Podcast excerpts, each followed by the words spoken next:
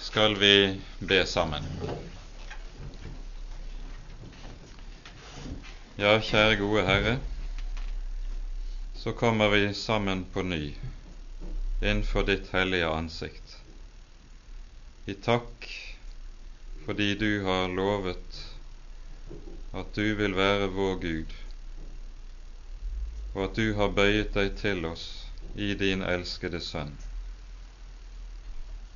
Herre, vi er Adams barn, og vi bærer Adams synd i våre hjerter. Takk at du har gitt oss en frelse fra det vi er i oss selv. Og takk, Herre, at du har gitt oss ditt ord, så vi kan forstå din vei og din tanke. Nå ber vi, Herre, at du vil være hos oss med din gode Hellige Ånd, at du vil ta deg av oss og la oss få eie lys i ordet ditt slik vi trenger det. Herre, før oss inn i dine ord, slik at dine ord kan kaste lys over våre liv. Amen.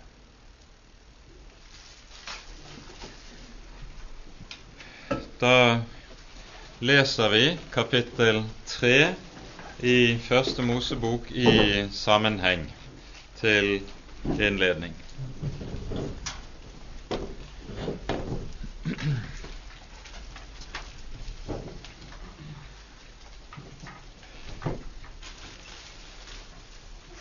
Men slangen var listigere enn alle dyr på marken som Gud Herren hadde gjort. Og den sa til kvinnen, Har Gud virkelig sagt, dere skal ikke ete av noe tre i hagen? Og kvinnen sa til slangen, Vi kan fritt ete av fruktene på trærne i hagen, men om frukten på det tre som er midt i hagen, har Gud sagt, dere skal ikke ete av den og ikke røre ved den, for da skal dere dø. Da sa slangen til kvinnen, Dere skal visselig ikke dø, for Gud vet at på den dag dere eter av det, skal deres øyne åpnes, og dere skal bli like som Gud og kjenne godt og ondt. Og kvinnen så at treet var godt å ete av, og at det var en lyst for øynene, og at det var et prektig tre, siden en kunne få forstand av det. Og hun tok av frukten og åt, og hun ga sin mann med seg, og han åt. Da ble begges øyne åpnet, og de ble var at de var nakne, og de heftet fikenblad sammen og bandt dem om livet. Og de hørte Gud Herren som vandret i hagen da dagen var blitt kjølig og Adam og hans hustru skjulte seg for Gud Herrens åsyn mellom trærne i hagen. Da kalte Gud Herren på Adam og sa til ham, Hvor er du? Og han svarte, Jeg hørte deg i hagen. Da ble jeg redd, fordi jeg var naken og jeg skjulte meg. Da sa han, Hvem har sagt deg at du er naken? Har du ett av det tre som jeg forbød deg å ete av? Og Adam sa, Kvinnen som du ga meg å være hos meg, hun ga meg av treet, og jeg åt. Da sa Gud Herren til kvinnen, Hva er det du har gjort? Og kvinnen sa, Slangen dåret meg, og jeg åt. Da sa Gud Herren til slangen, fordi du gjorde dette, så skal du være forbannet blant alt feet og blant alle de ville dyr. På din buk skal du krype, og støv skal du ete alle ditt livs dager. Og jeg vil sette fiendskap mellom deg og kvinnen, mellom din ett og hennes ett den skal knuse ditt hode, men du skal knuse dens hæl. Til kvinnen sa han, Jeg vil gjøre din møye stor i ditt svangerskap. Med smerte skal du føde dine barn, og til din mann skal din attrå stå, og han skal råde over deg. Og til Adam sa han, fordi du lød din hustru og åt av det tre som jeg forbød deg å ete av, så skal jorden være forbannet for din skyld. Med møye skal du nære deg av den alle ditt livs dager. Tårner og tistler skal den bære deg, og du skal ete urtene på marken. I ditt ansikts sved skal du ete ditt brød inntil du vender tilbake til jorden, for av den er du tatt. For støv er du, og til støv skal du vende tilbake. Og Adam kalte sin hustru Eva, fordi hun er alle levendes mor. Og Gud Herren gjorde kjortler av skinn til Adam og hans hustru og kledde dem med. Og Gud Herren sa, Se, Mennesket er blitt som en av oss til å kjenne godt og ondt, bare han nå ikke rekker sin hånd ut og tar også av livsens tre, og eter og lever til evig tid. Så viste Gud Herren ham ut av Edens hage og satte ham til å dyrke jorden som han var tatt av. Og han drev mennesket ut og foran Edens hage satte han kirubene med det luende sverd som vendte seg hit og dit for å vokte veien til livets tre. Amen.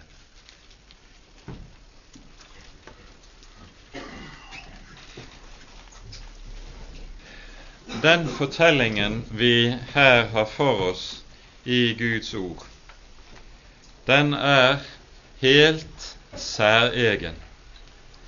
Man finner ikke noe tilsvarende i andre religioner overhodet. Det er noe som er ganske spesielt for den bibelske åpenbaring. Og Det kan være godt for oss å være klar over akkurat det, og få øynene opp for hvor spesiell den bibelske åpenbaring er i forhold til det aller meste av det vi i øvrig møter i religionenes verden. Dette henger meget nær sammen med at slik Bibelen beskriver menneskets forhold til Gud, så beskrives forholdet som noe som er etisk bestemt det vil si bestemt av forholdet til rett og galt, forholdet til godt og ondt. Noe som nettopp er et særmerke ved Bibelens åpenbaring. Og går du tilbake til de andre religioner som du finner i Bibelens samtid, da dette som vi her leser, ble skrevet, så vil du ikke finne en tilsvarende måte å tenke og tale om forholdet til gudene. Dette er særmerket.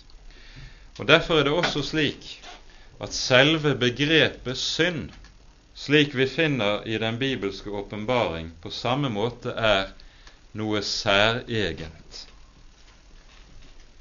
For det som kjennetegner dette begrepet, det er at det det gjør, det er at det stiller oss ansikt til ansikt med Gud som en skapning som står ansvarlig for Gud, som må svare regnskap for Gud for hvordan vi lever, for hva vi er.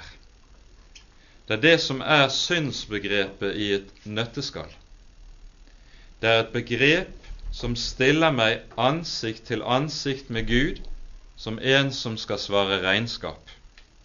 Og det er det som er hovedpoenget med hele begrepet. Og nettopp dette er det da også dagens mennesker i svært liten utstrekning liker å høre. Skal vi sammenfatte det vi hører i Første Mosebok 3 i en kort sum, så kan vi si det slik at det dette kapitlet beskriver for oss, det er syndens vesen. Og Det som altså skjer med Adam og Eva på historisk måte, og som her beskrives med meget, meget enkle ord, det setter dype fotspor ned i hele menneskeslektens hjerte, slik at det som skjer med Adam og Eva, det blir natur hos Adams og Evas etterkommere. Ja, her beskrives virkelig syndens vesen.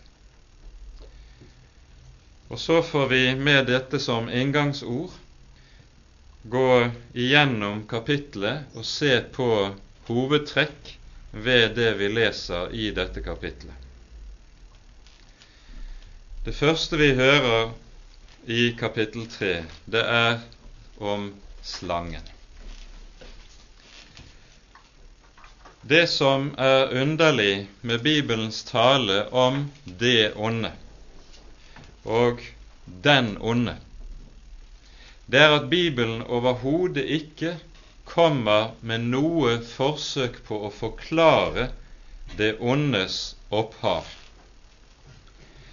Slangen, som her er en legemliggjørelse av den onde, han trer ganske enkelt frem på arenaen som en skapning som allerede eksisterer. Og vi forstår ut fra det vi har lest tidligere i Første Mosebok, at Gud på den sjette dag, når han sier at han så på alt det han hadde gjort, og se det var såre godt, da var det enda ikke kommet noe ondt inn i skaperverket. Det er noe som er skjedd i den skapte verden med skaperverket etter at Gud har fullført sin skapergjerning.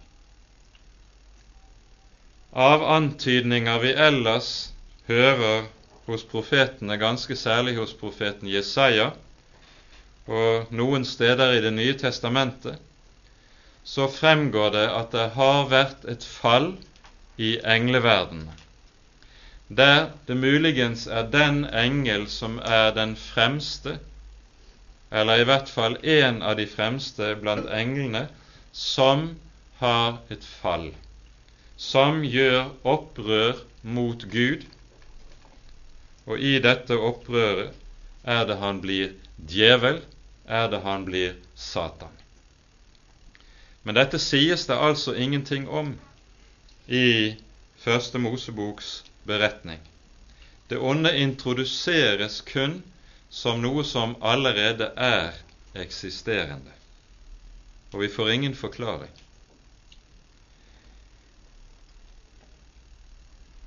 Og Det som dermed sies oss, det er at når det onde kommer inn i menneskenes verden og i menneskenes hjerter, så kommer det til oss som noe som kommer utenfra, som fristelse utenfra. Og det er det vi hører om i denne fristelsesfortelling. Slangen var listigere enn alle dyr på marken, som Gud Herren hadde gjort, og den sa til kvinnen, Har Gud virkelig sagt, dere skal ikke ete av noe tre i hagen? Denne slangens list, den tales der om i Det nye testamentet. Og det slangen gjør, det er at han bruker denne list til å forføre mennesket. I Åpenbaringen kapittel 12 så kalles djevelen rett og slett for den gamle slange, for dragen, han som forfører hele jorden. Det er en tittel som også settes på ham.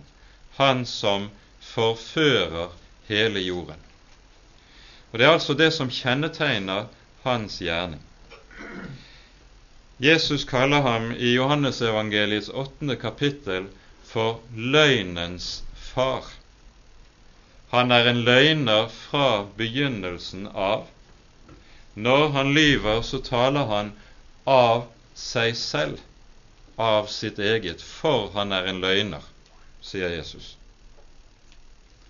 Og det er nettopp slik vi møter ham her i vers 1. For med ordene 'Har Gud virkelig sagt', så ser vi at det som er den ondes første angrepspunkt når han skal føre mennesket til fall, det er menneskets forhold til Guds ord. Og vi forstår dette er kjernen i dette. Skal djevelen i det hele tatt kunne komme noen vei i forhold til mennesket, så må han først ødelegge menneskets forhold til Guds ord. Og Grunnen til det ligger i ordets betydning. Ordet, det er det som konstituerer menneskets gudsforhold. Det er i og med Ordet vi lever i forhold til Gud og kan stå i et sant forhold til Gud. Og Adam og Eva har mottatt ord fra Herren i hagen. Og så er det nettopp dette ord den onde retter angrepet mot. Har Gud virkelig sagt? For gjennom å ødelegge forholdet til Guds ord, slik kan slangen ødelegge forholdet til Gud selv. Og det er det som er hans mål. Og Dette skal vi merke oss, for dette er ikke noe som bare skjedde den gang.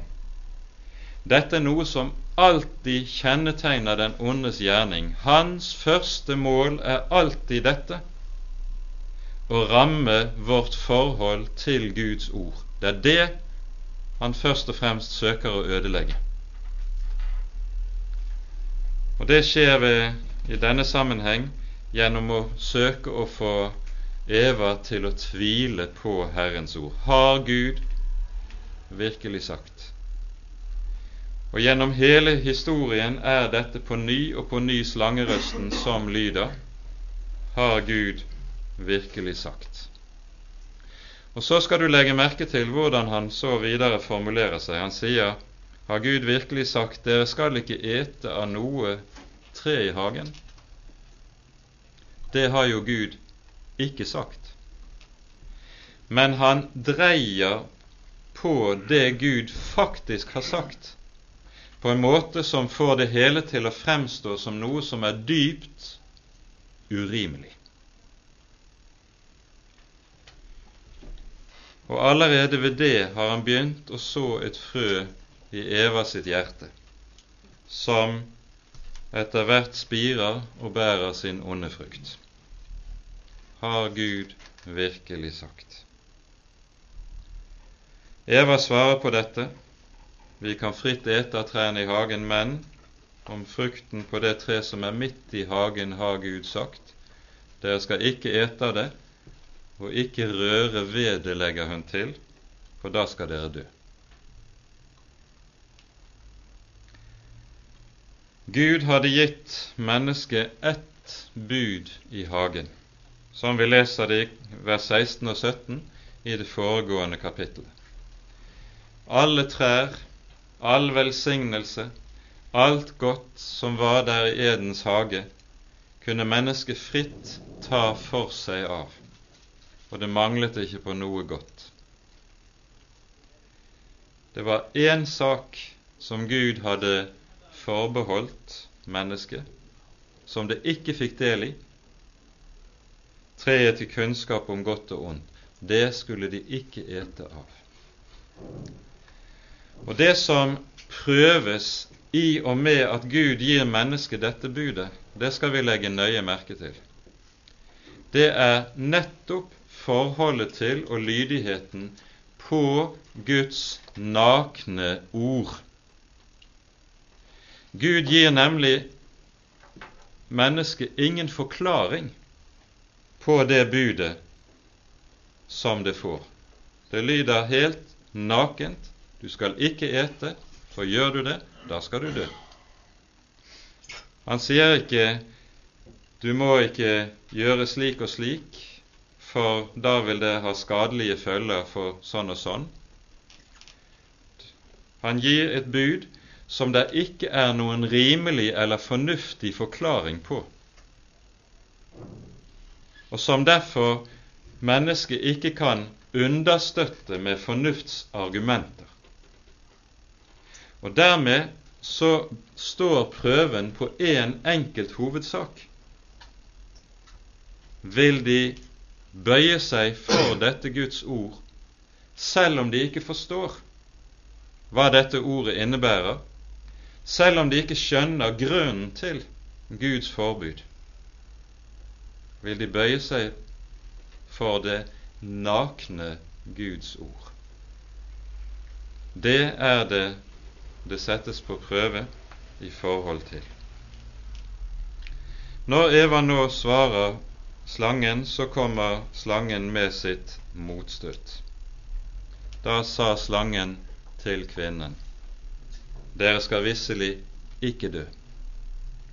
Slik dette er formulert i grunnteksten, så er det formulert på en sånn måte at det, slangen gjentar det Gud har sagt i vers 17 i foregående kapittel, bare med et 'ikke' foran. Og du skal merke deg nøye hva som ligger i det som her sies av den onde. Dere skal visselig ikke dø. Hva sier han med det? To grunnleggende viktige ting som senere kommer til å kjennetegne all fristelse og alt menneskets vei bort fra Gud. For det første sier han med dette, eller ligger det i dette, en fornektelse av Guds hellighet. Implisitt i dette ligger det nemlig dere vet jo Gud er kjærlighet. Derfor er det jo klart det at han kan ikke gjøre noe så forferdelig som å la døden og dommen ramme. Det er jo ikke i tråd med Guds natur. Du må ha misforstått. Selve fornektelsen av Guds hellighet, det er en fornektelse av at Gud er en Gud som skrider inn til dom over det onde. Og Dette har derfor også, skal vi merke oss siden, vært en grunnleggende del av det naturlige eller det falne menneskets religiøse bevissthet, at det stadig bærer i seg en dyp reaksjon på og fiendskap mot Bibelens tale om den hellige Gud. Man ønsker heller å ha en Gud av humanistisk sort. Den snille Gud som ikke tar det så nøye. Han ønsker man seg å ha. Du skal visselig ikke dø.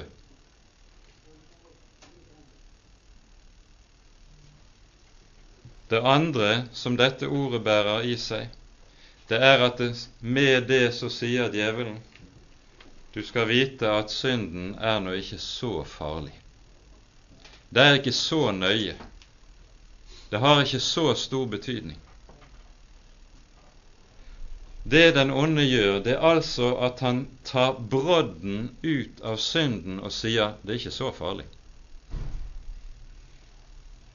Og med disse to hovedsaker som motivasjon Gud er ikke hellig, synden er ikke farlig, kan han så si ta stinget ut av Herrens ord. Men Gud har satt sitt ord der. Du skal visselig dø.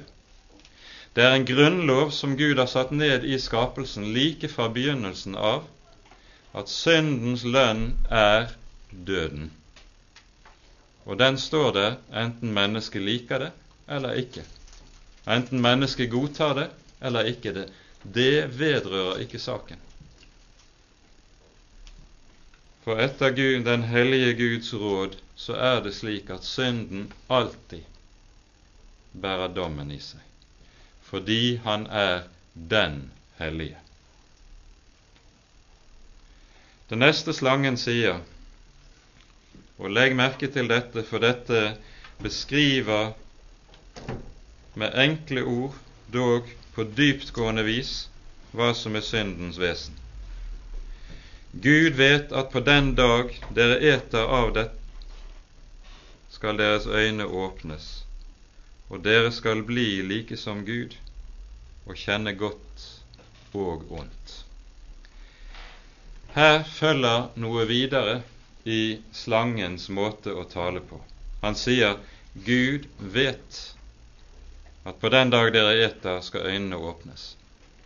Det han underforstått sier, er at han kommer med et tilbud til Adam og Eva om den største og den rikeste velsignelse. Han kommer ikke til dem og tilbyr dem gift.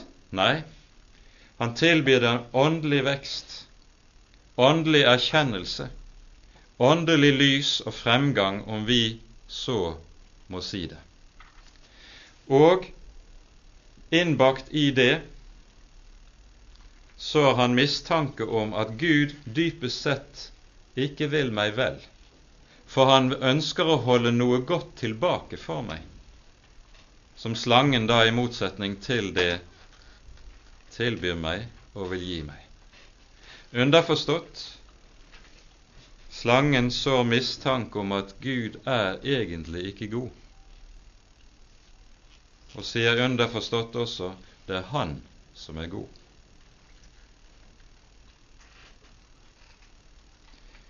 Videre, og dette skal vi For dette er noe som Det nye testamentet også peker veldig klart på.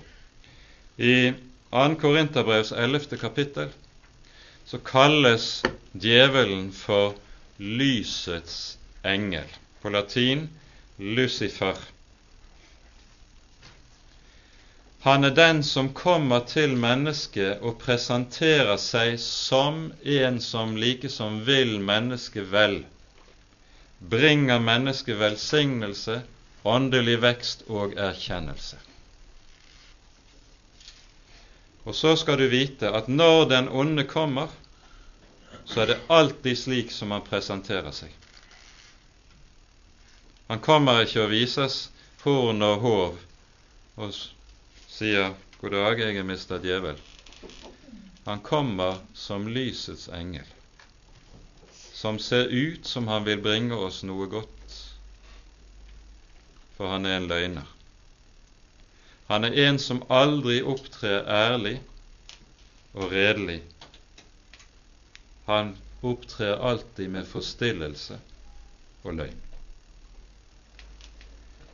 Kjernen i fristelsen kommer så i det neste ordet. Dere skal bli like som Gud. Og med dette ordet beskrives just det som er selve syndens vesen. Fristelsen til å bli like som Gud innebærer ikke at mennesket innbiller seg at det med det kommer til å bli allmektig, sånn som Herren er, og som vi har lest om i foregående kapittel om skapelsen. Nei, i dette ligger det at mennesket med det ønsker å innta Guds plass og avsette Han som er den levende Gud, fra tronen. Det er mennesket som vil være herre, og eventuelt gjøre Gud til sin egen løpergutt. Dere skal bli like som Gud. Og det som med det skjer, det er at menneskets ego kommer til å bli sentrum i tilværelsen. Der mennesket, i stedet for å tro på å sette sin lit til Gud, ønsker å sette sin lit til seg selv. I stedet for å bøye seg for sin Gud, ønsker det at Gud skal bøye seg for meg. Og i sin egoisme ønsker det til og med å bruke Gud som løpegutt og som middel for egne behov og egne begjær. En Gud som ikke står på pinne for meg, vil jeg ikke ha noe med å gjøre. Sånn tenker det falne mennesket, for det har tatt Guds plass og vil selv være Gud. Dere skal bli like som Gud. I det ligger det grunnleggende Guds opprør og det som er det falne menneskets grunnleggende hovmod. Og Derfor er det vesentlige i syndefallet det er nettopp hovmodet, som avsetter Gud og vil ta hans plass, og som derfor i forlengelsen av det alltid har det med seg at det vil være Guds dommer. Jeg vil være den som måler og bedømmer Gud, og kan verken tåle eller akseptere at den levende Gud trer inn på arenaen for å dømme og bedømme meg. Det finner det hovmodige mennesket utålelig, for det vil være like som Gud. I tråd med dette følger det også at det falne mennesket ønsker å være sin egen målestokk i alle ting. Det er ingen Gud som skal ha rett til å komme utenfra og fortelle meg hva som er rett og galt, for det vil jeg selv bestemme og avgjøre. Men det som i Den hellige Skrift tillegger Gud alene, det er jo nettopp det å fortelle forskjellen på godt og ondt, rett og galt, det ligger ikke i våre hjerter. Men når mennesket tilraner seg Guds plass, stilling og autoritet, så tilraner det seg også dette ønsket om selv å råde for rett og galt. Og Menneskets religionshistorie blir fra denne dag en eneste lang historie om hvordan det falne mennesket krangler med Gud om disse ting. Når Gud sier ett, så sier mennesket noe annet. Når Gud sier 'du skal', så sier mennesket 'jeg vil ikke'.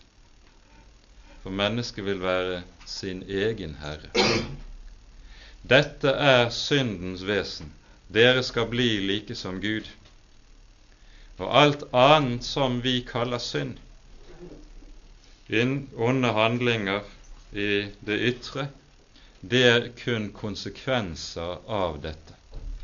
At mennesket sier seg løs fra Han som er den levende Gud, og vil leve alene og på egen hånd. Og så kommer da fallet. Kvinnen så at treet var godt, fordi det var en lyst for øynene, og det var et prektig tre siden hun kunne få kunnskap av det og så faller hun. Og så gir hun sin mann med seg, og også han eter. Det er i tilknytning til det vi her hører, at første Johannesbrev kapittel 2 kaller og benevner synden i menneskets hjerte for øynes, øynenes lyst og hjertets begjær og storaktighet, nemlig hovmode. Merk også det som sies her hun ga sin mann med seg, og han åt. Etter fallets dag er det så altfor ofte slik at synden kan, og det onde kan komme til oss gjennom de som står oss nærmest, og de som er oss kjærest. Det skal stå der som en påminnelse og som en advarsel til oss som vi skal være klar over.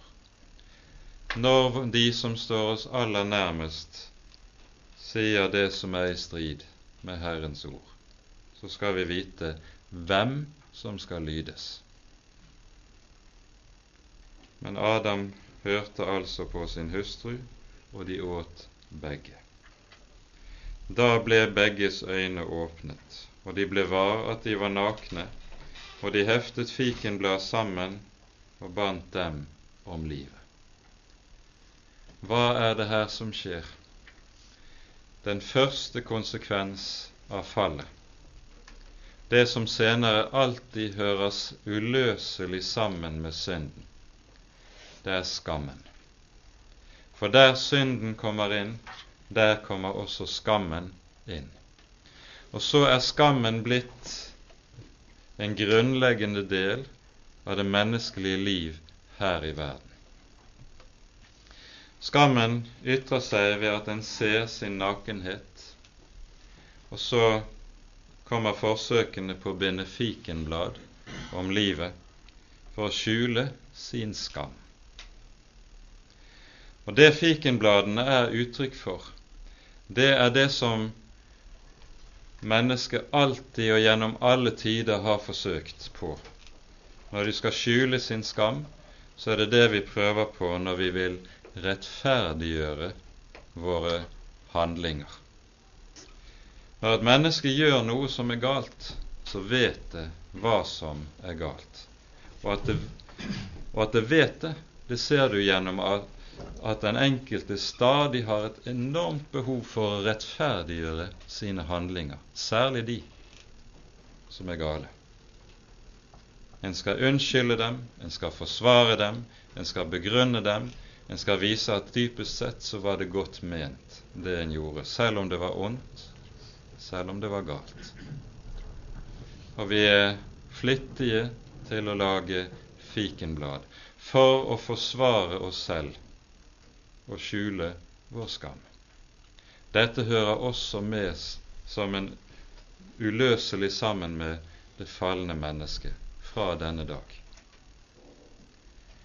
Den neste konsekvensen av fallet kommer så i neste verset. De hørte Gud Herren som vandret i hagen da dagen var blitt kjølig. Og Adam og hans hustru skjulte seg for Gud Herrens åsyn mellom trærne i hagen. Det neste som melder seg, er angst for Gud. Før fallet, når Han som er Herre, vandret i hagen, så ville mennesket tillitsfullt og fritt og glad løpe sin Gud i møte. Nå er dette snudd på hodet, for mennesket er blitt redd Gud. Og så skal vi merke oss at dette også er et grunnleggende kjennetegn ved det falne mennesket. Det falne mennesket er ikke en skapning som søker Gud. Det er en skapning som er på flukt fra Gud. Det falne mennesket er ikke en skapning som søker sannheten og blir hjertelig glad når det finner sannheten. Nei, er det noe det falne mennesket mer enn noe vil slippe, så er det å møte sannheten.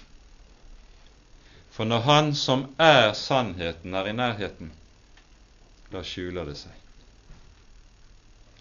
Og Grunnen til dette er jo, og det skjønner vi, det er jo at mennesket vet helt instinktivt at når Han som er Gud, kommer i nærheten, da må jeg svare regnskap.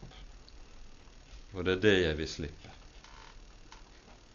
Og så løper jeg og gjemmer meg mellom buskene for å slippe å se ham i øynene som er den hellige, og for hvem ingenting er skjult. Dette er det falne mennesket. En kjent amerikansk forkynner har sagt dette slik Det falne mennesket er ikke på leting etter Gud, mer enn en skolegutt som har skulket skolen, er på leting etter læreren sin. Sånn er vi. Og når mennesker, religiøse mennesker taler om at de søker Gud, så er det ikke sant. For når Han som er den levende og sanne Gud, kommer i nærheten, da vil de ikke vite av ham. De søker kanskje avguder, og avguder er slike som lar mennesket leve som de selv vil. Avguder kaller ingen til regnskap. avguder er ikke hellige i Bibelens betydning av ordet. Og da kan de kanskje tale om at de søker en eller annen gud eller en sannhet. Men den sannhet og den Gud som lar meg stå der naken med min skam, han vil jeg slippe. En liten bemerkning også til det som det kommer ikke frem i vår tekst, men i grunnteksten så står det egentlig de hørte Guds røst vandre i hagen.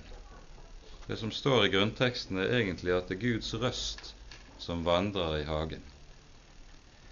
Det, det ligger der en skjult hentydning til det som vi i Det nye testamentet hører i Johannesevangeliets første kapittel. Han som er Ordet. I begynnelsen var Ordet, og Ordet var hos Gud, og Ordet var Gud. Det er denne som er Ordet, som kommer vandrende i hagen. Og nå roper Gud på det falne mennesket. Da kalte Gud Herren på Adam og sa til ham, Hvor er du? Og i dette spørsmålet ligger det ikke det at Gud ikke vet hvor Adam er. Selvfølgelig vet han det. Han er jo den Gud som ser. Det er Guds navn som vi møter senere i Skriften. Du er den som ser. Nei, i dette spørsmålet ligger det at Gud stiller Adam spørsmålet hva er det du egentlig har gjort med livet ditt? Hvor har du nå havnet hen? Hvor har du endt opp slik som du har stelt deg? Altså, ved å stille et slikt spørsmål, så er det Gud som søker å kalle frem selverkjennelse i menneskets hjerte. Og Derfor lyder det på tilsvarende måte til Eva etterpå Hva har du gjort? Ja, hva har du gjort? Denne måte å stille spørsmål på, det er i Den hellige Skrift den milde måte å forkynne Guds hellige lov på. For Guds hellige lov, den er gitt med ett mål for øyet når vi taler om det vi er inne på her. Det er nettopp å vekke erkjennelse av synd. Romane 3 sier vi vet at alt det loven sier, taler den til dem som har loven, for at hver munn skal bli lukkes og hele verden bli skyldig for Gud. For ved loven kommer syndens erkjennelse. Og det å stille spørsmål på denne måten, det er den milde måte å forkynne loven på. Loven kan også forkynnes på den hårde, på den strenge måte. Da kommer den som et tordenslag av dom over synderne. Det hører vi også i Det gamle testamentet, ikke minst hos, i profetenes forkynnelse. Men her på fallets første dag kommer det som et stille spørsmål. Hvor er du? Hva har du gjort? Og så må Adam frem fra buskene, og så må han svare for seg. Jeg ble redd, for jeg var naken. Hvem har sagt deg at du er naken? Har du spist av treet? Og så må han innrømme de faktiske forhold. Men legg merke til i vers 12 hva Adam sier. Adam sa, Kvinnen som du ga meg til å være hos meg, hun ga meg av treet, og jeg åt. Han innrømmer 'jeg åt', men han skyver samtidig noe av ansvaret ikke bare på kvinnen, men til og med på Gud selv. Det er jo du som ga meg henne. Dermed har du noe av ansvaret for at jeg er endt opp her. Og i dette ser vi noe som kjennetegner mennesket etter fallet. at det hos mennesket ligger en stadig trang til å skylde på Gud for det onde. Å skylde på Gud når en selv har endt opp i det som er ondt. I ordspråkene i det 19. kapittel står det sånn i vers 3.: Menneskets egen dårskap ødelegger dets vei, men i sitt hjerte harmes det på Herren. Det er meget typisk for det falne mennesket. Og så vil det altså skylde på Gud for at synden bærer sine frukter. Og i dette så hører vi altså hos Adam svært lite av anger. Vi hører skam, men vi hører ikke anger. Og i det så ser vi altså at Adam midt opp i sitt fall, midt opp i at han til og med også kalles til regnskap, viser lite av det vi kaller for botferdighet. Og det gjør Guds miskunnhet og nåde mot Adam og Eva desto større. For han får et nådeløfte i fortsettelsen som vi vil se. Så spør altså Herren Eva, hva har du gjort? Og hun svarer, som sant er, slangen dåret meg, og jeg åt. Hun må innrømme de faktiske forhold, men skyver hun også skyld over på en annen. For det å skyve ansvaret på andre, det er en stadig og konsekvent del av synden og det onde i oss. Vi vil ikke ta det fulle ansvar selv. Og la meg da føye til, i tilknytning til dette, at når det sies, som vi leste fra Romane 3, alt det loven sier, taler den til dem som har loven, for at hver munn skal lukkes, så betyr det å få en lukket munn overfor Gud Det betyr helt konkret at jeg slutter å unnskylde meg. Jeg slutter med alle bortforklaringer. Jeg slutter med å skylde på andre for at jeg har handlet som jeg har gjort. Jeg tar redelig ansvaret for det, for at hver munn skal lukkes og hele verden blir skyldig for Gud. Når det begynner å skje i et menneskes liv og et menneskes hjerte, da begynner sannheten å få rom i et menneskes hjerte. Da begynner den ånd som heter sannhetens ånd, å se frukt av sin gjerning.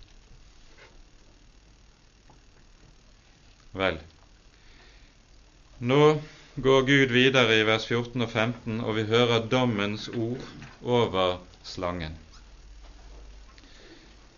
Vi behøver ikke å mye, vie mye tid til det vi hører i vers 14, men det vi hører i vers 15, er uhyre grunnleggende. Dette verset kalles av teologene gjerne for protoevangeliet eller urevangeliet det man med det mener at her, i det dommens ord lyder over slangen, så ligger det samtidig i det et løfte til Adam og Eva.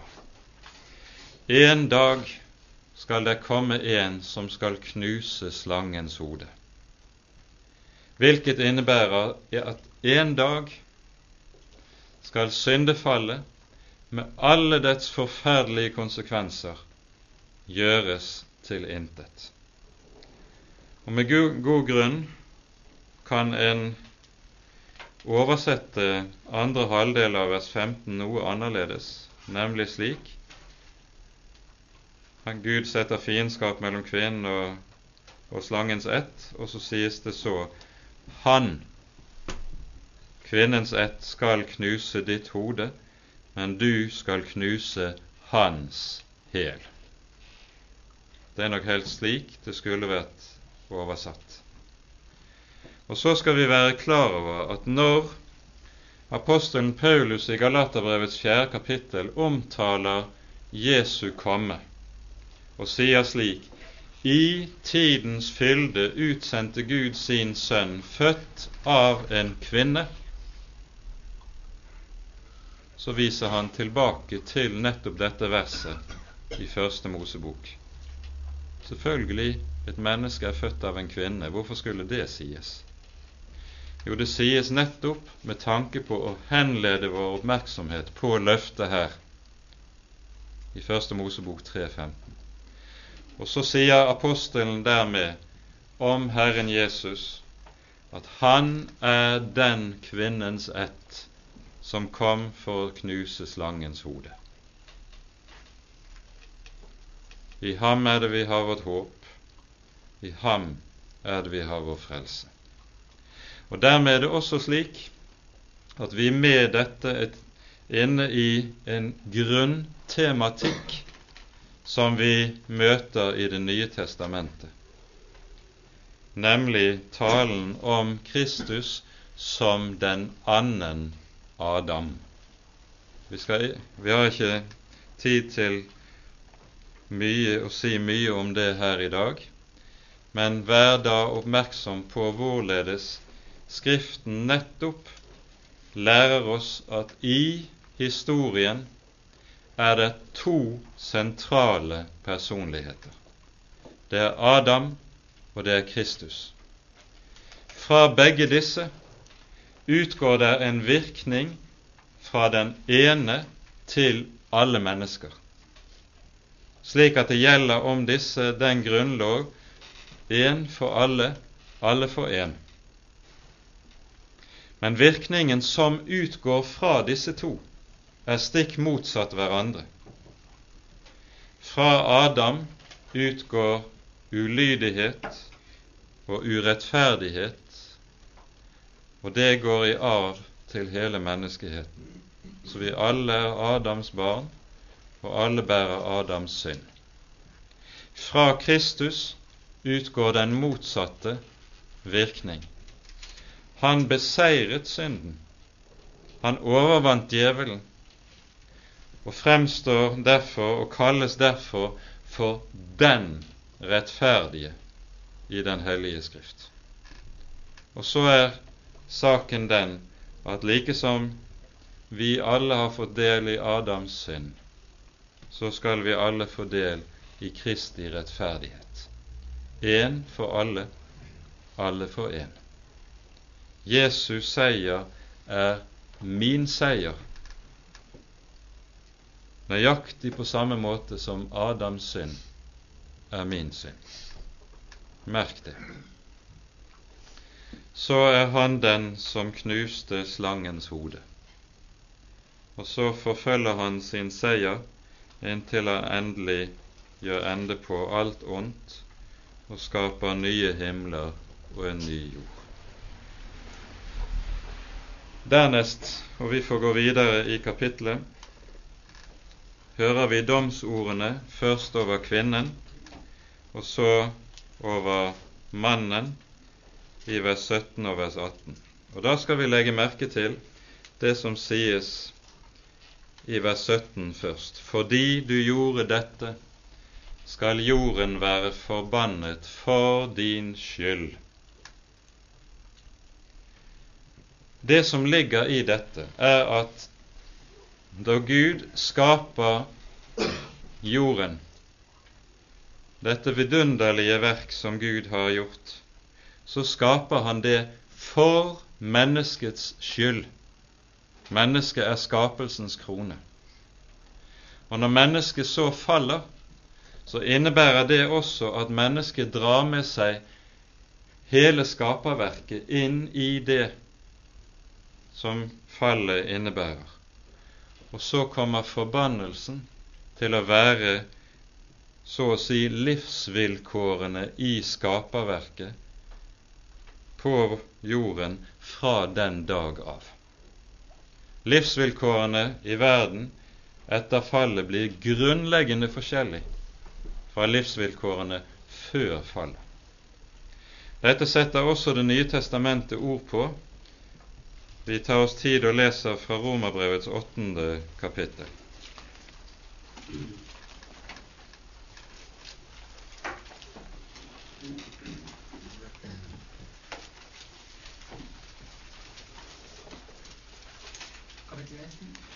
Romerbrevet kapittel 8 fra vers 20. Skapningen ble jo lagt under forgjengelighet, ikke godvillig, men etter Hans vilje som la den derunder, i håp om at også skapningen skal bli frigjort fra forgjengelighetens trelldom til Guds barns herlighetsfrihet. For vi vet at hele skapningen til sammen sukker og er til sammen i smerte inntil nå. Forgjengeligheten hører med som en del av forbannelsen. Men til forbannelsen som nå er lagt inn i skaperverket, hører alt annet av det som vi kan benevne som sykdom, nød, ulykker, det vi rett og slett kaller for onder her i verden. Det er en del av vilkårene i verden i og med fallet og hele skaperverket er dratt inn i dette. Så kunne vi spørre på ny, men det er jo slangerøsten som lyder i dette, hvorfor skal Gud legge noe så forferdelig innover menneskene? Slangen vil jo si at Gud, en Gud som dømmer, er ingen god Gud. Men saken er den at nettopp forbannelsen som Gud legger inn over skaperverket, er det mest virksomme middel Gud har med tanke på menneskets omvendelse. Og tenk om det hadde vært slik at mennesket skulle fortsette livet i synd, men fortsatt eie Guds velsignelse. Altså leve i synd, men stå under velsignelsen. Da ville intet menneske vende om. For det som Bibelen og den kristne erfaring lærer oss med stor tydelighet, det er at som regel er det jo slik at så lenge et menneske har det godt, det er medgang i livet, og en seiler på den blå bølge,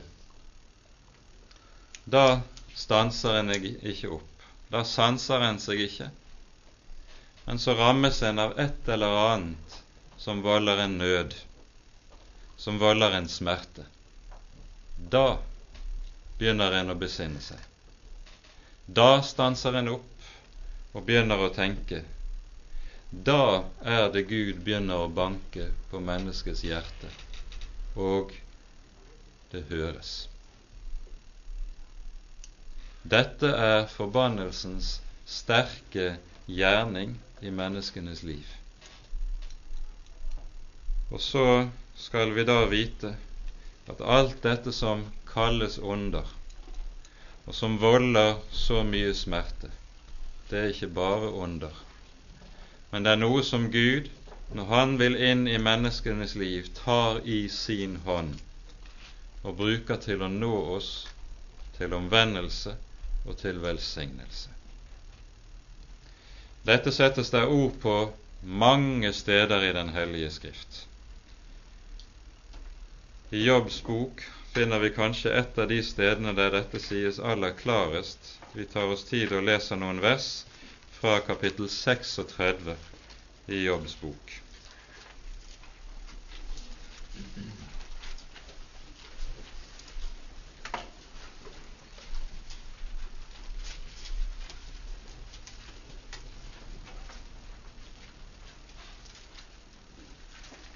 Her står det slik i vers 15.: Han frelser de ulykkelige ved deres ulykke og åpner deres øre ved trengselen.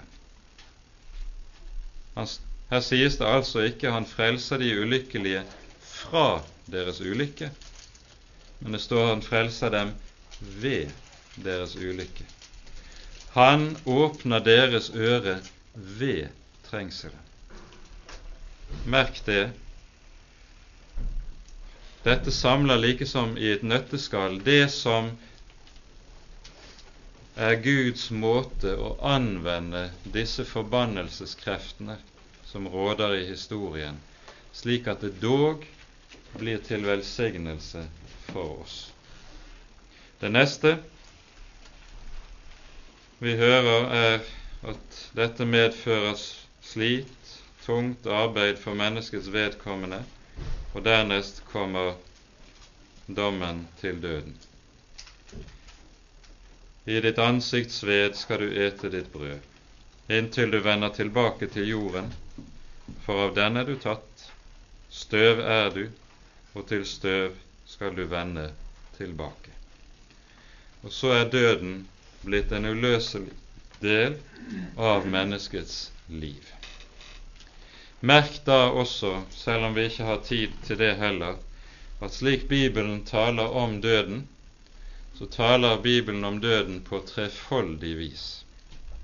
Den taler først om det som kalles for den åndelige død, dernest den legemlige død, og til slutt det vi kaller for den evige død. Med den åndelige død mener Skriften det at et menneske som ikke er omvendt og lever med Gud, det er etter bibelsk språkbruk dødt. Dere var døde i deres overtredelser, skriver Paulus i Efesane 2. Den legemlige død, den er på samme vis også en konsekvens av synden. Og så den evige død, det er det vi kaller for fortapelsen med Det nye testamentets språkbruk. Alt dette er frukter og følger av at synden har fått rom, og fått rom i menneskets hjerte. Og så kommer avslutningen av fortellingen om syndefallet, som ender altså med at mennesket vises ut av hagen. Og dette har en ganske bestemt begrunnelse, som vi leser i vers 22. Gud Herren sa:" Se, mennesket er blitt som en av oss til å kjenne godt og ondt, bare han nå ikke rekker ut sin hånd og tar også av livets tre og eter og lever til evig tid. Tenk om mennesket skulle leve evig med synd. Da ville selv paradis bli til helvete. Og Derfor setter Gud altså denne grense og sørger for livets tre blir stengt. En lukkes ute fra livets tre, og Adam og Eva vises ut av Edens hage. Og fra den dagen av har veien tilbake til Gud, veien tilbake til livet, veien inn til himmelen vært stengt for alle mennesker. Og intet menneske kan komme og åpne himmelens dør, for den er lukket fra innsiden. Og det som Den hellige Skrift så forteller oss i forlengelsen, det er at skal Gud i det hele tatt har med mennesket å gjøre, så må denne døren åpnes nettopp fra innsiden. Det skjer, og det er dypt symbolsk at det skjer i det vi leser om i Matteusevangeliets tredje kapittel. Der hører vi om vår Herres Jesu Kristi dåp i Jordan ved Johannes. Og så sies det da Jesus var døpt og steg opp av vannet, ble himmelen åpnet. Adam fikk ved sin synd himmelen stengt. Den annen Adam får ved sin rettferdighet himmelen åpnet. Og Derfor viser fortellingen om Jesu dåp nettopp tilbake til dette som er utgangen på syndefallsberetningen. Og så forkynnes det i dette symbolspråket i Bibelen, så er den annen Adam der, han som fullbyrder all rettferdighet. Han om hvem den evige Fader sier, dette er min sønn, den elskede. I ham har jeg velbehag.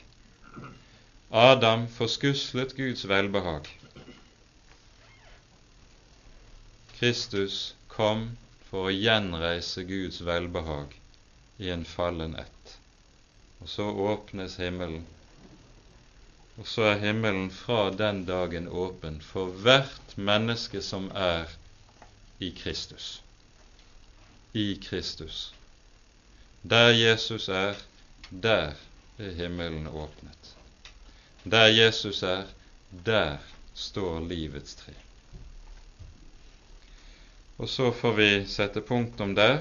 Det kunne være mye mer å si og røre ved, men vi rekker ikke mer. Vi får se til samtalen. Ære være Faderen og Sønnen og Den hellige ånd, som var og er og være skal, en sann Gud, høylovet i evighet. Amen.